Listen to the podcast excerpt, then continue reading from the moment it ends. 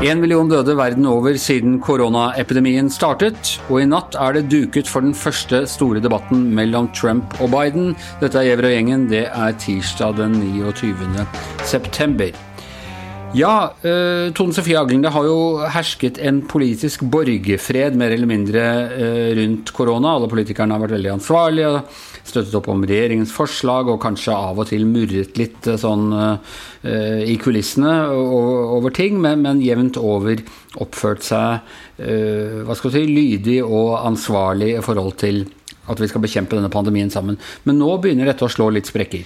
Ja, jeg tror vi alle var vitne til en sånn slags stillingskrig mellom Arbeiderpartiets byrådsleder Raymond Johansen i Oslo og helseminister Bent Høie Eh, i helga, hvor eh, Høie tydelig ga uttrykk for at han ikke var fornøyd med det Oslo gjorde, og stilte krav til dem. Og det hele Uh, ja, den pressekonferansen som Raymond Johansen hadde i går, uh, det er vel noe av det sterkeste jeg har sett i norsk politikk på ganske lenge. For det var tydelig at uh, Raymond Johansen var irritert, og, og det kledde han faktisk også, vil jeg si. Det er nesten sånn, jeg, jeg får inntrykk av litt på sosiale medier og overalt, det ble liksom sånn 'a star is born'. Altså er dette mannen som skal kunne redde Arbeiderpartiet med denne type temperament og tydelighet og sånne ting som man har etterlyst fra partiet en god stund nå? Ja, og det der har jo vært en sånn snakkis eh, helt siden koronapandemien brøyt brøt ut. Og, og Raymond Johansen var jo på en måte den som den første uka var tydeligst, både med å innføre skolestengning, med å kreve stengning av grenser. Og da var det liksom litt sånn snakkes bare at nå er Både at han posisjonerer seg innad i Arbeiderpartiet og framstår liksom som en sånn lederfigur, men, eh, men det har også vært en, sånn der, litt sånn der stille kamp mellom Oslo og regjeringa. og det har bølga veldig sånn fram og tilbake, for eh, Raymond Johansen kom veldig sånn godt ut av det, men så har på en måte regjeringa slått tilbake. og det, det de siste månedene. Eh, ja, for det gikk dårlig i sommer i Oslo. Smittetallene steg plutselig veldig i Oslo og sånne ting. Så da, da var byrådet litt bakpå. Ja, så har vi jo sett at uh, i koronahåndteringa så har eh, regjeringa hatt en veldig sånn eh, stor talerstol. De har fått økt både sin oppslutning. Mange av statsrådene har blitt veldig populære, fått høy tillit. Mens liksom alle forsøkene fra Arbeiderpartiet på å liksom være litt sånn kritisk og sånn, har liksom falt uh, veldig til steingrunn. Og så har vi fått den situasjonen nå utpå høsten hvor uh, smitten åpenbart har kommet ut av kontroll først i Bergen og, og så i Oslo. Og det, jo, det har vi også sett i noen småkommuner, men det er jo utrolig mye mer krevende å håndtere smitten i en storby som Oslo enn f.eks. en liten Østfoldskommune. Og det er jo liksom det som Eh, var utgangspunktet for en sånn konflikt som har vært nå. Da, og når, men når vi hørte dem i morges, så har jo lufta gått litt ut av den ballongen. Ja, nå seanse på, på Politisk kvarter i, i morges hvor, hvor, man skal få to stykker som egentlig har blitt venner igjen, eller i hvert fall klart å, å holde fred med hverandre igjen, til å begynne å krangle en gang til.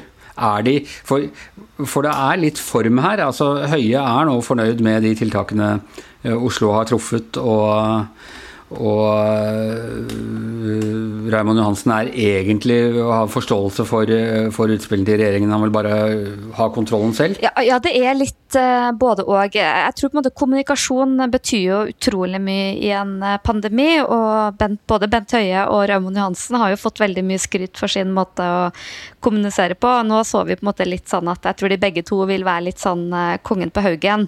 Og så har eh, Raymond Johansen eh, med god grunn til å bli litt sånn irritert på helseministeren, for eh, kommunene har et veldig stort ansvar for smittevern, og i all hovedsak har de håndtert det godt. Og, og så er det litt sånn der, Litt sånn oppesen av Bent Høie å komme og si at de må følge Helsedirektoratets anbefalinger til punkt og prikke, for det har jo heller ikke regjeringa gjort. De har jo fulgt det som de har ment har vært riktig, og andre ting har de også oversett. Eh, så det er nok litt sånn eh, hvor, hvor går grensepålene over hvem som skal bestemme. Og så er det litt sånn komisk, for jeg har jo drevet og fulgt dem en stund, og de har jo sagt veldig mye det samme, men ofte på veldig sånn ulik tid. Oslo f.eks. var jo veldig tidlig ut med å ha skjenkestopp og tidlig stopp av alkoholsalg. Da var Høyre veldig kritisk Men nå som regjeringa har innført det, så er Arbeiderparti-ordførerne veldig kritisk. Og vi har jo sett litt det samme også i diskusjonen om munnbind. Eh, og apropos eh, munnbind, det var litt, litt uenighet her. Eh, per Olav Ødegaard, du er også med oss. Litt uenighet mellom dere to i morges om nødvendigheten av av munnbind på um, offentlige kommunikasjonsmidler i, i, Oslo? Ja, nå var jo jeg en som tok bussen to ganger om dagen minst da, eh, før uh, dette her inntraff, og nesten ikke bruker offentlig kommunikasjon for tida. Jeg jobber jo hjemmefra for det meste og sykler eller går eller tar bilen når jeg må noe sted. Så uh, jeg er lite berørt direkte av det, men jeg synes jo, sånn som situasjonen er i Oslo, at det er helt naturlig å ikke bare anbefale folk å bruke munnbind på T-bane og trikker og sånn, men at det bør være et påbud. Så jeg syns det er på høy tid. Og jeg syns også at eh, den kommunikasjonen som har vært rundt dette med munnbind, har til dels vært veldig uklar, og gått fra nesten å fraråde folk å bruke det, til å si at ja, kanskje det har en virkning i noen tilfeller, men det er ikke noe som de fleste bør tenke på, til at det nå kommer som et påbud. og Jeg syns det er på høy tid. Ja, Tone Sofie, er det ikke på høy tid? Eh, nei, jeg er jo en sånn munnbinddissident på avdelinga, som jeg kaller meg. Det har dårlige vilkår. Og jeg er jo enig i det som har vært eh, Folkehelseinstituttets uh, vurderinger fram til nå, nemlig at uh, munnbind kan være et tiltak når man ikke klarer å opprettholde avstand. Helt spesielle tiltak, men jeg tror, jeg tror det langt på vei gir en veldig sånn falsk trygghet.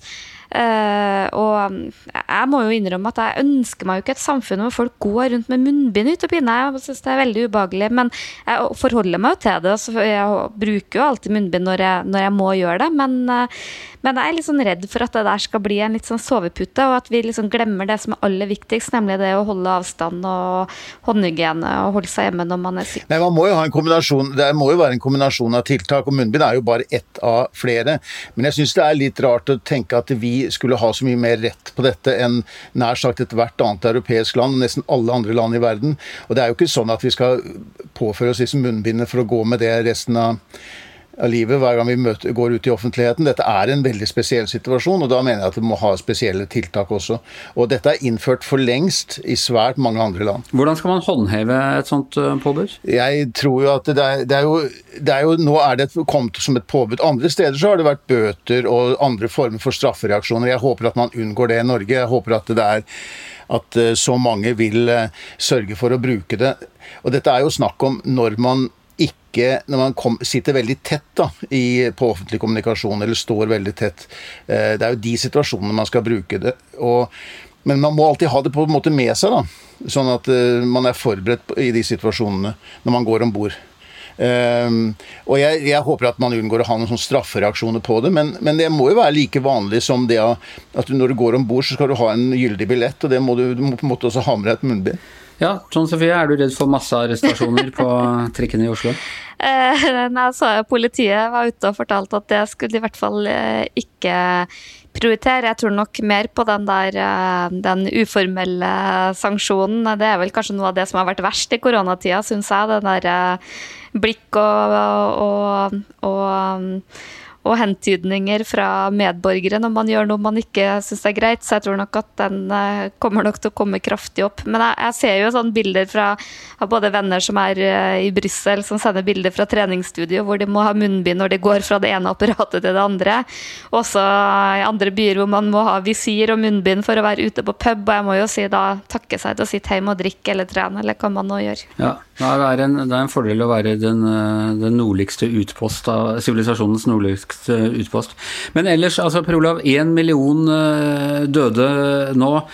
Hva er scenarioene eh, for før man får dette under kontroll med en vaksine eller eh, gruppeimmunitet, eller, eller hva det måtte være? Hvor mange til skal dø? Ja, vi, de, de, fleste eksperter på dette området mener jo at vi kan komme ut på omtrent denne tiden neste år, eller i hvert fall midt, kanskje, kanskje neste sommer, at man kan komme i en situasjon hvor vaksine er tilgjengelig for folk flest eh, rundt om. Eh, nå er det jo eh, sånn at det er jo spesielt fire land da, som har pekt seg ut her. USA, Brasil, India, Mexico. De har over 50 av disse døde. Og sånn som i India, så sier de også åpent at det er underrapport, svært underrapportert i antall eh, tilfeller der. Og nå ser man jo at smitten øker i mange land. Uh, USA har jo over 200 000 døde, og det er økende smitte der i mange deler av USA. Uh, så det er jo all grunn til å frykte at disse tallene vil bli langt høyere før denne pandemien er over. Ja, nei, Det er dystre fremtidsutsikter eh, så langt. å tenke på at For et år siden nå, så, så visste vi ikke noe om denne pandemien i det hele tatt. Så lykkelig uvitende vi var.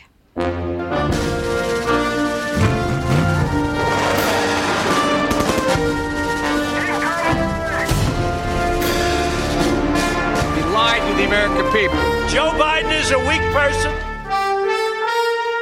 Ja, jeg har tatt min ukentlige prat med Ketil Raknes, som eh, er høyskolelektor på, på eh, Høgskolen Kristiania, og spurt ham hva som har skjedd på, i den amerikanske valgkampen siden vi snakket sammen sist, for en uke siden. Det har skjedd to ganske viktige ting. Det første er jo at Trump har fått muligheten til å utnevne en ny høyesterettsdommer. Men så kom det en annen sak som mange kommer til å snakke om, nemlig saken i New York Times om at han ikke har betalt så veldig mye skatt. Har disse to sakene på en måte jevnet hverandre ut i oppmerksomhet? Altså høyesterettsdommer til fordel for Trump, skatt ikke til fordel? Ja, altså du kan si det er sånn en god nyhet og en dårlig nyhet for Trump, men sånn har det jo vært veldig lenge. Altså for Trump at Hver gang han får til noe, så kommer det ofte opp en ny sak som setter han i et, uh, i et dårlig lys. Men uh, hvis vi ser på liksom, hva som har skjedd med bakgrunnstallene, så ligger jo de forbausende stabilt. Og det har de gjort nå veldig lenge. Så det ligger, Hva er de nå? Nei, Det er sånn ca. 25 sjanse for at uh, Trump kommer til å vinne, og 75% på Biden. Men som vi snakket om første gangen, det skal veldig lite til for at det blir jevnt. For selv om han leder med 7-8 på nasjonalt, så leder han bare med 3-4 i de viktigste vippestatene. Så hvis racet jevner seg, og det var det vi så skjedde sist med, med, mot Hillary Clinton òg, at når det ble jevnere på slutten på nasjonalt nivå, så tapte eh, eh, så kan man tape i viktige vippestater. Og Dermed kan man vinne valgmannskollegiet. Og som jeg sa første gangen også, jeg er nesten 100% sikker på at han får flest stemmer, Biden. Men om man får flest valgmannsstemmer, det er fortsatt åpent. Men jeg husker fra forrige gang at de der kurvene de gikk ja. som sånne vaser, liggende vaser stadig vekk, ja, ja. og så nærmet seg, så gikk de fra hverandre. Nå ligger, har de ligget jevnt siden i sommer, i hvert fall? Ja, det har de. Eh, og Hvis vi går tilbake i tid, da, så er jo det to retninger. Noen mener at enkelthendelser har veldig stor betydning, og at det bølger fram og tilbake. Mens andre mener at det er stabilitet som ofte preger eh, bildet.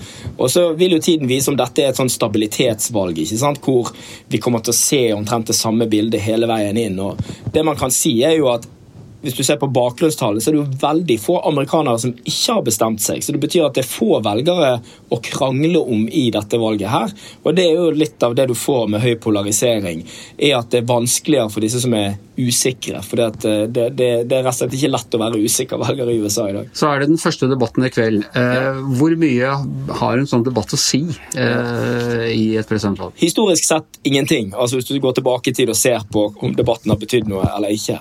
Men, men du har, så har du en annen side det. det er klart Debattene betyr mye for mediedekningen som kommer i etterkant, og kan også være med på å endre narrativet i en valgkamp. Og Det er sånn det ofte sies er så lett å måle. Og det er klart For kveldens debatt så er jo det kjempeinteressant. Det store spørsmålet er jo eh, er Biden kommer han til å fremstå som en god eh, eh, debattant, og hvor bra kommer Trump til å gjøre det.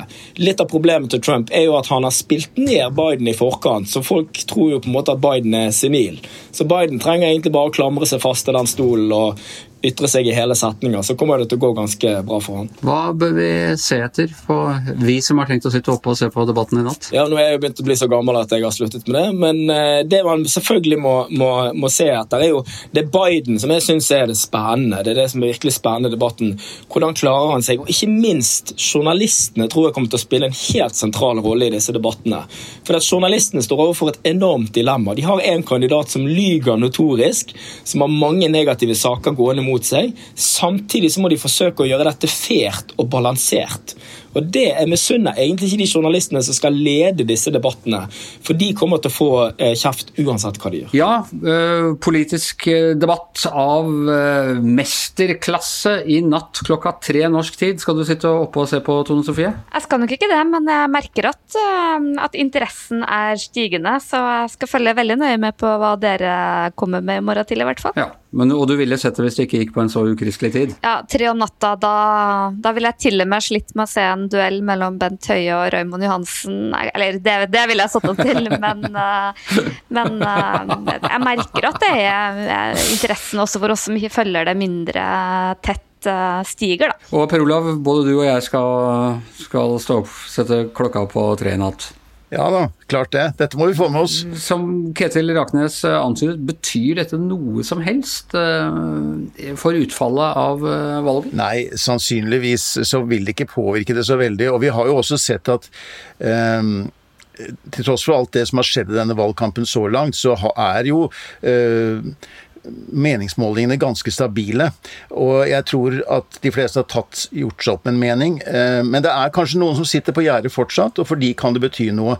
Og jeg så i hvert fall én eh, et medium som mener at det var tre av fire velgere som sa, altså de som hadde tenkt å stemme, da, som sa at de ville se nattens debatt. Så det har en veldig stort publikum, og det er et av de få eh, tidspunkt i løpet av valgkampen hvor nær sagt alle amerikanere følger med. Eller i hvert fall en veldig stor andel. Det er jo denne og to til, og så en visepresidentdebatt. Ja, og den kan uansett hva den gjør med valgresultatet, den kan være med på å prege dekningen og, og oppmerksomheten rundt, øh, rundt presidentvalget i, i, de siste ukene. Og I anledning den første debatten så kommer vi til å da lage en egen podkast, Per Olav og Hanne Skartveit og jeg, og den kommer vi til å legge ut ganske tidlig i morgen tidlig. Altså en sånn eh, litt spontan oppsummering eh, av debatten der. Så i morgen, altså, last ned uh, Gjever og gjengen når du er på vei til jobben, og ikke fra jobben, slik du pleier.